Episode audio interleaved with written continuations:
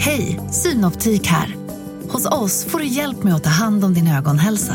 Med vår synundersökning kan vi upptäcka både synförändringar och tecken på vanliga ögonsjukdomar. Boka tid på synoptik.se.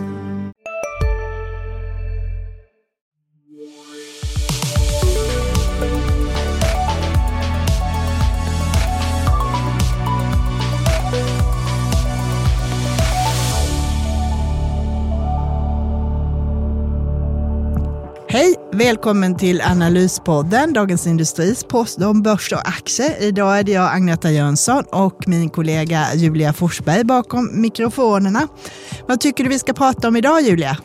Eh, jo, men jag tycker såklart att vi ska prata om hur det går på börsen och sen också att det är högsäsong för kapitalmarknadsdagar och också såklart via Play som till slut kom med en rapport.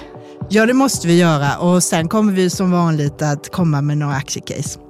Det, idag är det fredag den 1 december och klockan är 10, så vet ni vad vi vet.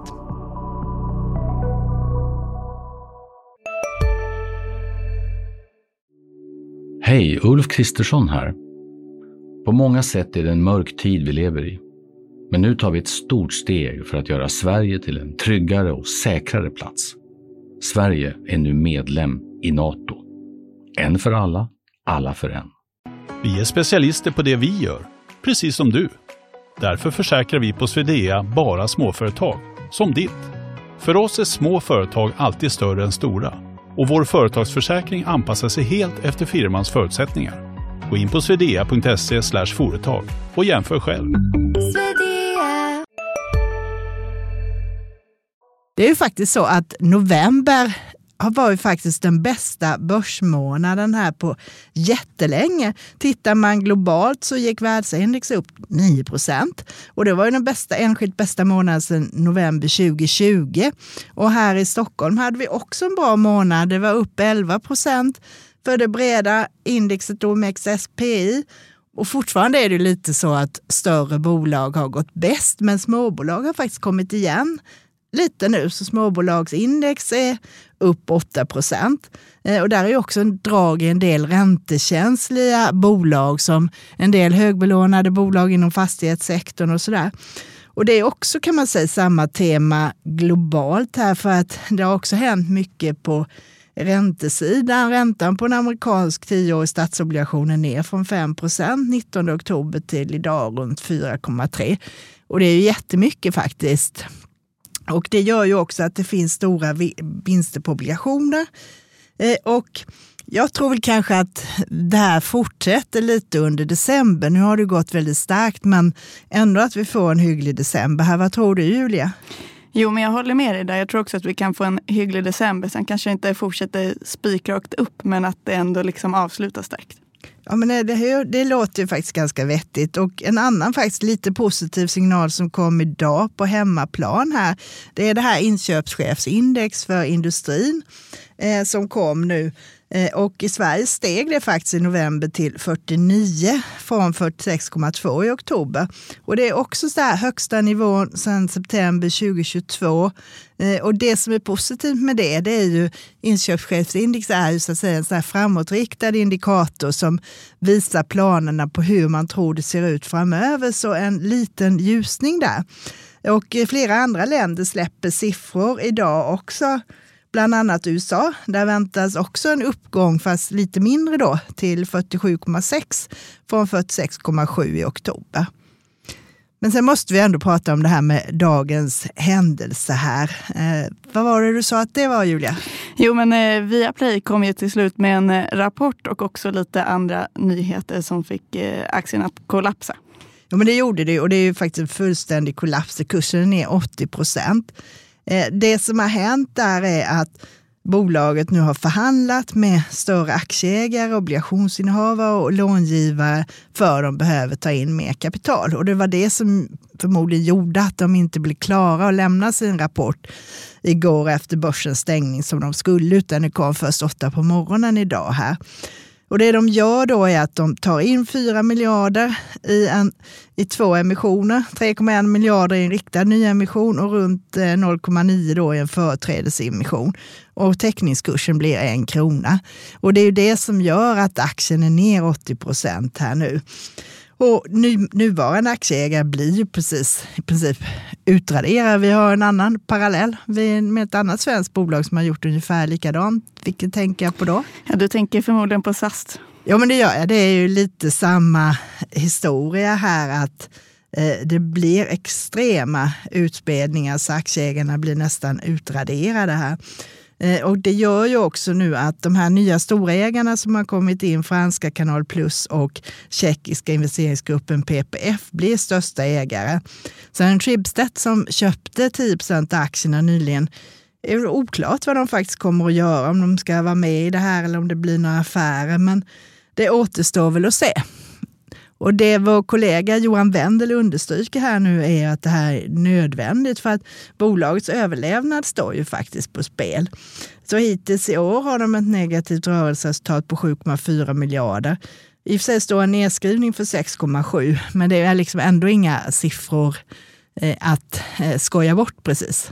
Nej, men verkligen inte. Så är det ju. Eh, och det här är ju såklart jättetufft för de nuvarande ägarna. Men eh, samtidigt så krävs det ju för att man behöver en ny start.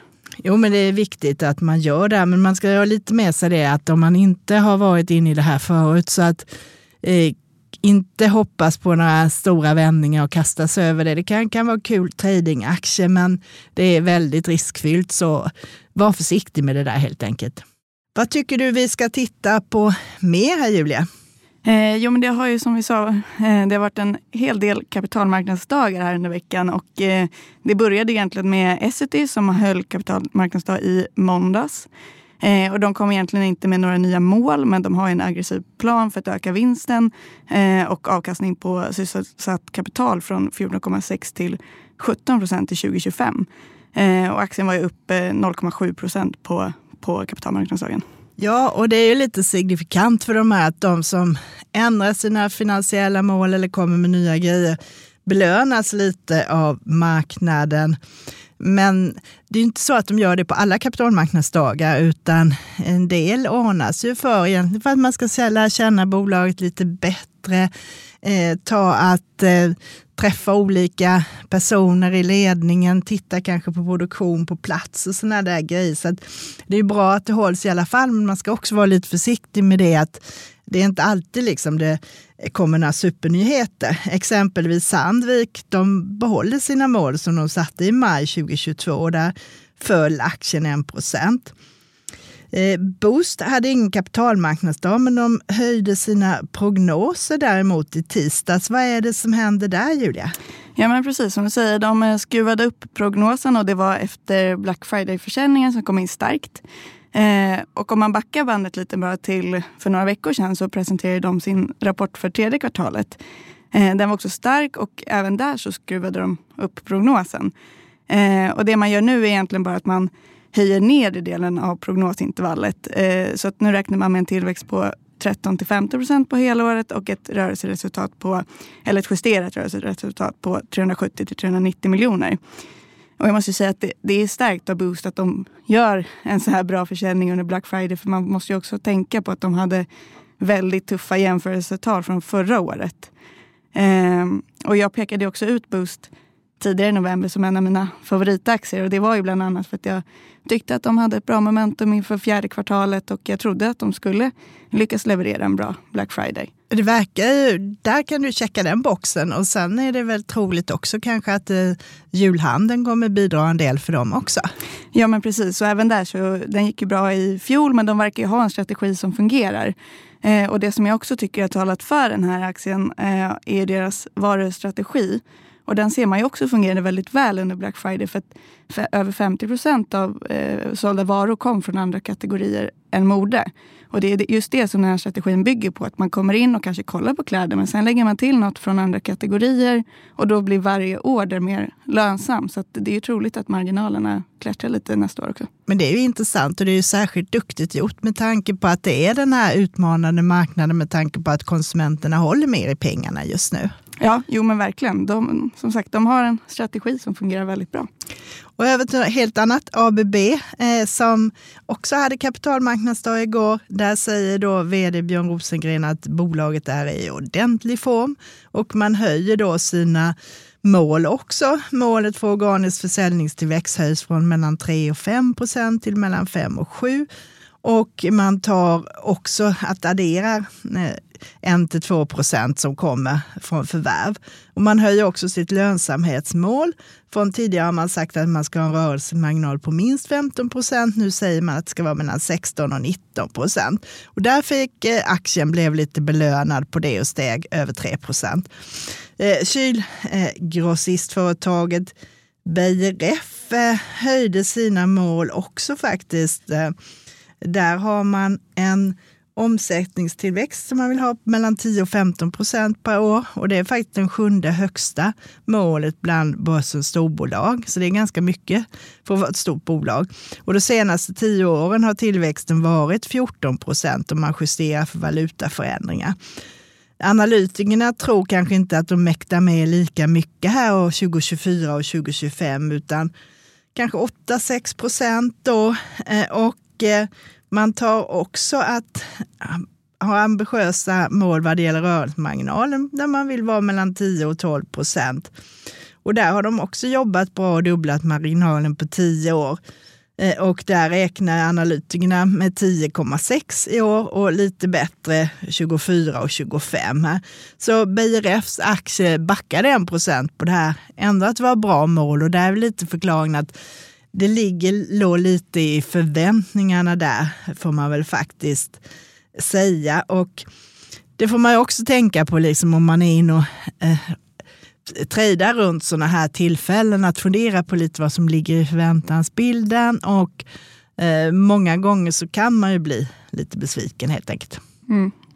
Jo, men så är det. Eh, och eh, vi fortsätter på temat eh, kapitalmarknadsdagar. Då, då. Eh, för förra veckan, förra fredagen, så var jag ute och hälsade på Axfood på deras kapitalmarknadsdag. Den hölls ute i Bålsta i deras nya jättelager där. Eh, och där var det egentligen inga stora kurspåverkande nyheter utan det var mer att vi fick komma dit och träffa på alla, alla olika vd för de olika delverksamheterna presenterade sina verksamheter och framförallt så fick vi då gå runt och kolla på det här nya jättelagret. Eh, och det var ju lite problem med det lagret vid premiären. Det var lite försenade leveranser och sådär. Men nu verkar det vara igång. Eh, och eh, sen var det inte heller helt oväntat mycket fokus på Willys under frågestunden. Eh, och Willys är ju Axfords lågpriskedja och de har ju växt otroligt snabbt när matpriserna har ökat. Och där har det väl funnits en liten oro för att det ska bli svårt att behålla de många nya kunderna och för att det ska bli svårt att växa mer. Så det var ju mycket där, det var fokus. Men där har Axfood också genomfört en undersökning som visar att de flesta kunderna planerar ändå att stanna kvar hos Willys även om matpriserna sjunker tillbaka lite. Eh, och jag tror ändå att Willys kommer kunna fortsätta växa mer i marknaden för att även om matpris, eh, eller prisökningstakten på mat stannar av så är konsumenterna fortfarande pressade. Det är fortfarande höga räntor. Eh, så att det kommer nog fortsatt vara mycket fokus på pris och det gynnar ju Willys. Och det är väl lite också så att har man väl liksom fått det vana att man går till ett visst ställe eller beställer hem från ett visst ställe så brukar man fortsätta med det. Liksom. Ja precis, så är det absolut. Och sen är det också så att många kunder handlar på flera olika butiker. Man går kanske inte bara till Willys utan man går kanske till Ica ibland och så Willys ibland. Och där finns det ju också en möjlighet att eh, växa genom att öka lojaliteten, alltså att ta en större andel av kundernas totala inköp.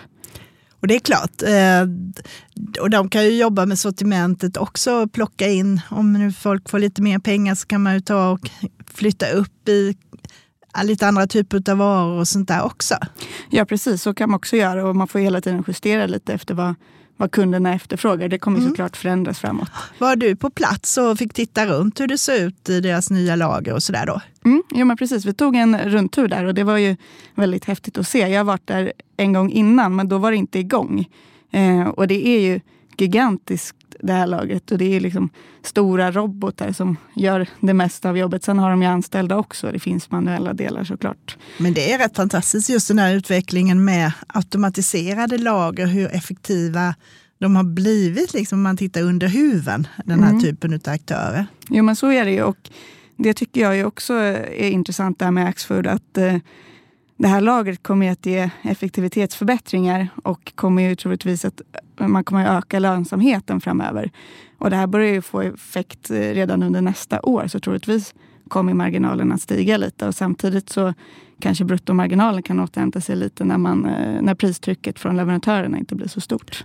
Men det är ju intressant, så det kan ju vara en aktie som är värd att hålla koll på här. Absolut.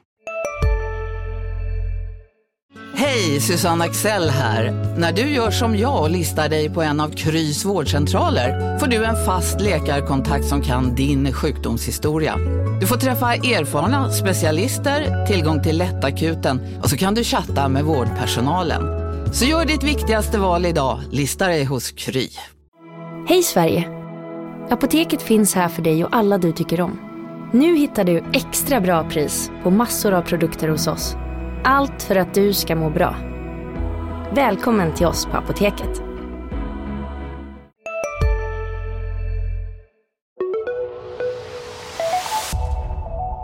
Eh, jag tittade också på ett bolag, eller rättare sagt jag var och besökte Norion Banks eh, eh, vd Martin Osman. Nu har dit, dit, de sitt kontor i Stockholm vid Humlegården ungefär, så det är ju inte lika spännande som att vara på ett lager, men det är ju ändå träffa, roligt att träffa personerna på riktigt. Och vi, det vi pratade om var Norions eh, omvändning. Liksom. De har bytt ut hela sin strategi kan man väl säga under de senaste åren. Eh, om vi backar bandet så noterades ju eh, Norion 2015 i juni på börsen och då under namnet Collector. Och då var det en rejält spretig nischbank kan man säga. Man jobbade med lån till privatpersoner, man hade börjat lite med bolån, man jobbade med investeringar i fintech, man hade lite företag, lite fastigheter, man hade inkasso både för egen räkning och man köpte portföljer med avskrivna fordringar och man marknadsförde sig väldigt hårt som ett tillväxtbolag, eh, och det, vilket gjorde att man hade inga planer på utdelningar eller någonting sådant. Och en väldigt hög värdering. Eh, då första året så handlades eh, Collector till 40 gånger vinsten ungefär och eh, sju gånger eh, eget kapital, vilket är extremt högt för att vara en bank. Eh, marknaden gillade det här först och aktien steg väldigt snabbt och toppade då i december eh, 2015. Men sen dess har det ju burit ut för så att de som var med och köpte på toppen där ligger fortfarande back 60 procent trots att det har varit en rejäl återhämtning i år. Och den återhämtningen som har varit senare tiden Eh, dels var det då en massa vd-byten och man bytte ordförande och sådana här grejer också då när det var problem eh, under 2017 och 2018. Sen 2018 på hösten så fick de då den nya vdn som jag träffade då, Martin Osman. Eh, och han tillsammans då med eh, storägaren och huvudägaren eh, ägaren och eh, tillika ordförande då, eh, Erik Selin, så har de lagt om den här strategin helt och hållet. Så att nu är inriktningen mycket mer mot eh, fastigheter och eh, företag. Eh, tittar man på deras utlåning så står nu fastighet och företag för 68 procent av deras utlåning. Tittar vi där hösten 2018 så stod det för mindre än 50 procent. Och det som har minskat då det är utlåningen till privatpersoner. Eh, och där är det framförallt konsumentlån eh, som man riktar sig till. Och där har man också ändrat sättet att jobba. Tidigare då jobbade man mycket, du vet de här låneförmedlarna, Lendo och sådana här. Vilket gör då att de får behålla en får en lägre marginal och där har man nu jobbar man med att man själva då eh, ta hand om utlåningen. Så man har drygt 40 procent som man sköter i egen regi, vilket både då ökar lönsamheten och eh, gör att eh, man får bättre koll på kreditrisker och på sikt kan minska kreditförlusterna. Och det tredje benet de har då, det är det som kallas för payments och det är den här eh, betalningslösning och finansiering utav eh, då kunder som shoppar i de här butikerna som heter Valley. Det är en sån här som säkert många av dina e-handlare använder kan jag tänka mig. Ja, säkert. Och eh, där har man också förbättrat lönsamheten en del. Men mycket fokus är ju det här på fastigheterna och där vet vi att det är en osäkerhet i marknaden nu. Man är lite rädd för fastighetsutlåning och eh, storbank, bland annat Handelsbanken, har varit pressad för det. Så det har varit mycket frågor runt det här. Eh, när man pratar med Norion så säger de att de har bra kontroll på riskerna. De de lånar ut till det är ju, framförallt är det ju medelstora företag. De har säkerhet på lånen och de lånar ut till sådana som är lönsamma. Så de vill egentligen vara ett komplement till storbankerna vad det gäller företags finansiering i Norden.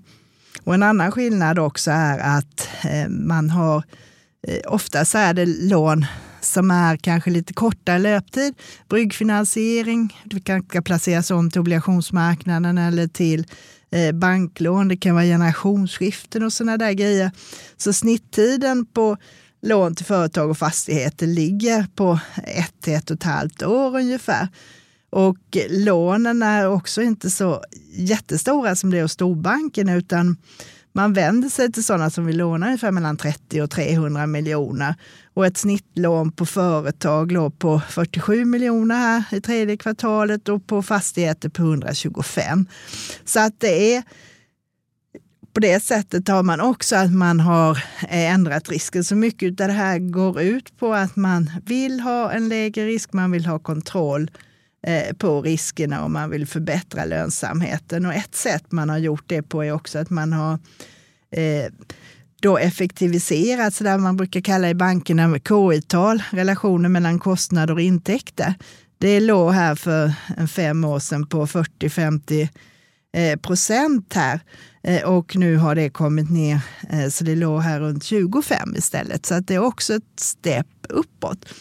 Så att att jag tittade på det lite närmare och ville träffa dem är just därför att det har varit så lite kan man säga, förändring under radarn. Man har tagit många små steg i rad här under fem år.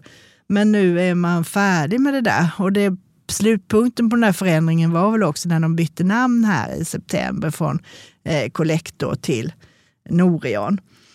Eh, men marknaden har inte riktigt, även om aktien har gått upp så är värderingen betydligt lägre. Så P talet är strax under sju nu mot nio för fem år sedan och man värderas nu också i linje med eget kapital. Innan har man haft en premie där. Så att det är en liten försiktighet och jag tror att den här försiktigheten beror på också att marknaden vill faktiskt se att det här funkar.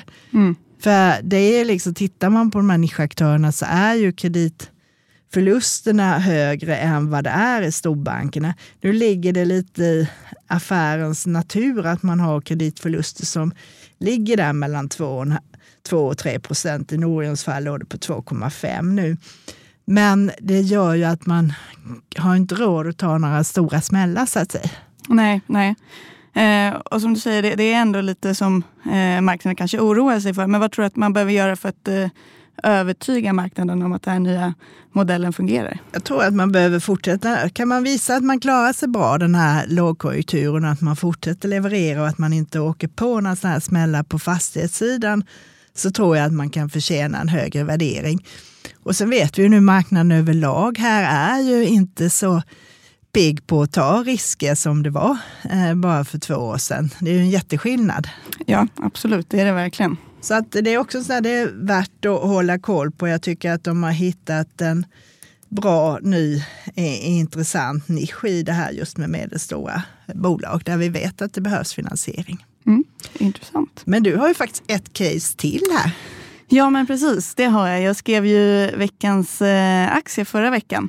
Eh, och eh, då skrev jag om Revolution Race. Och om man börjar lite där, bara vad, vad är Revolution Race för bolag? De utvecklar och säljer kläder, eh, friluftskläder online. Eh, och man säljer det här direkt till eh, konsument, framförallt via sin egen hemsida.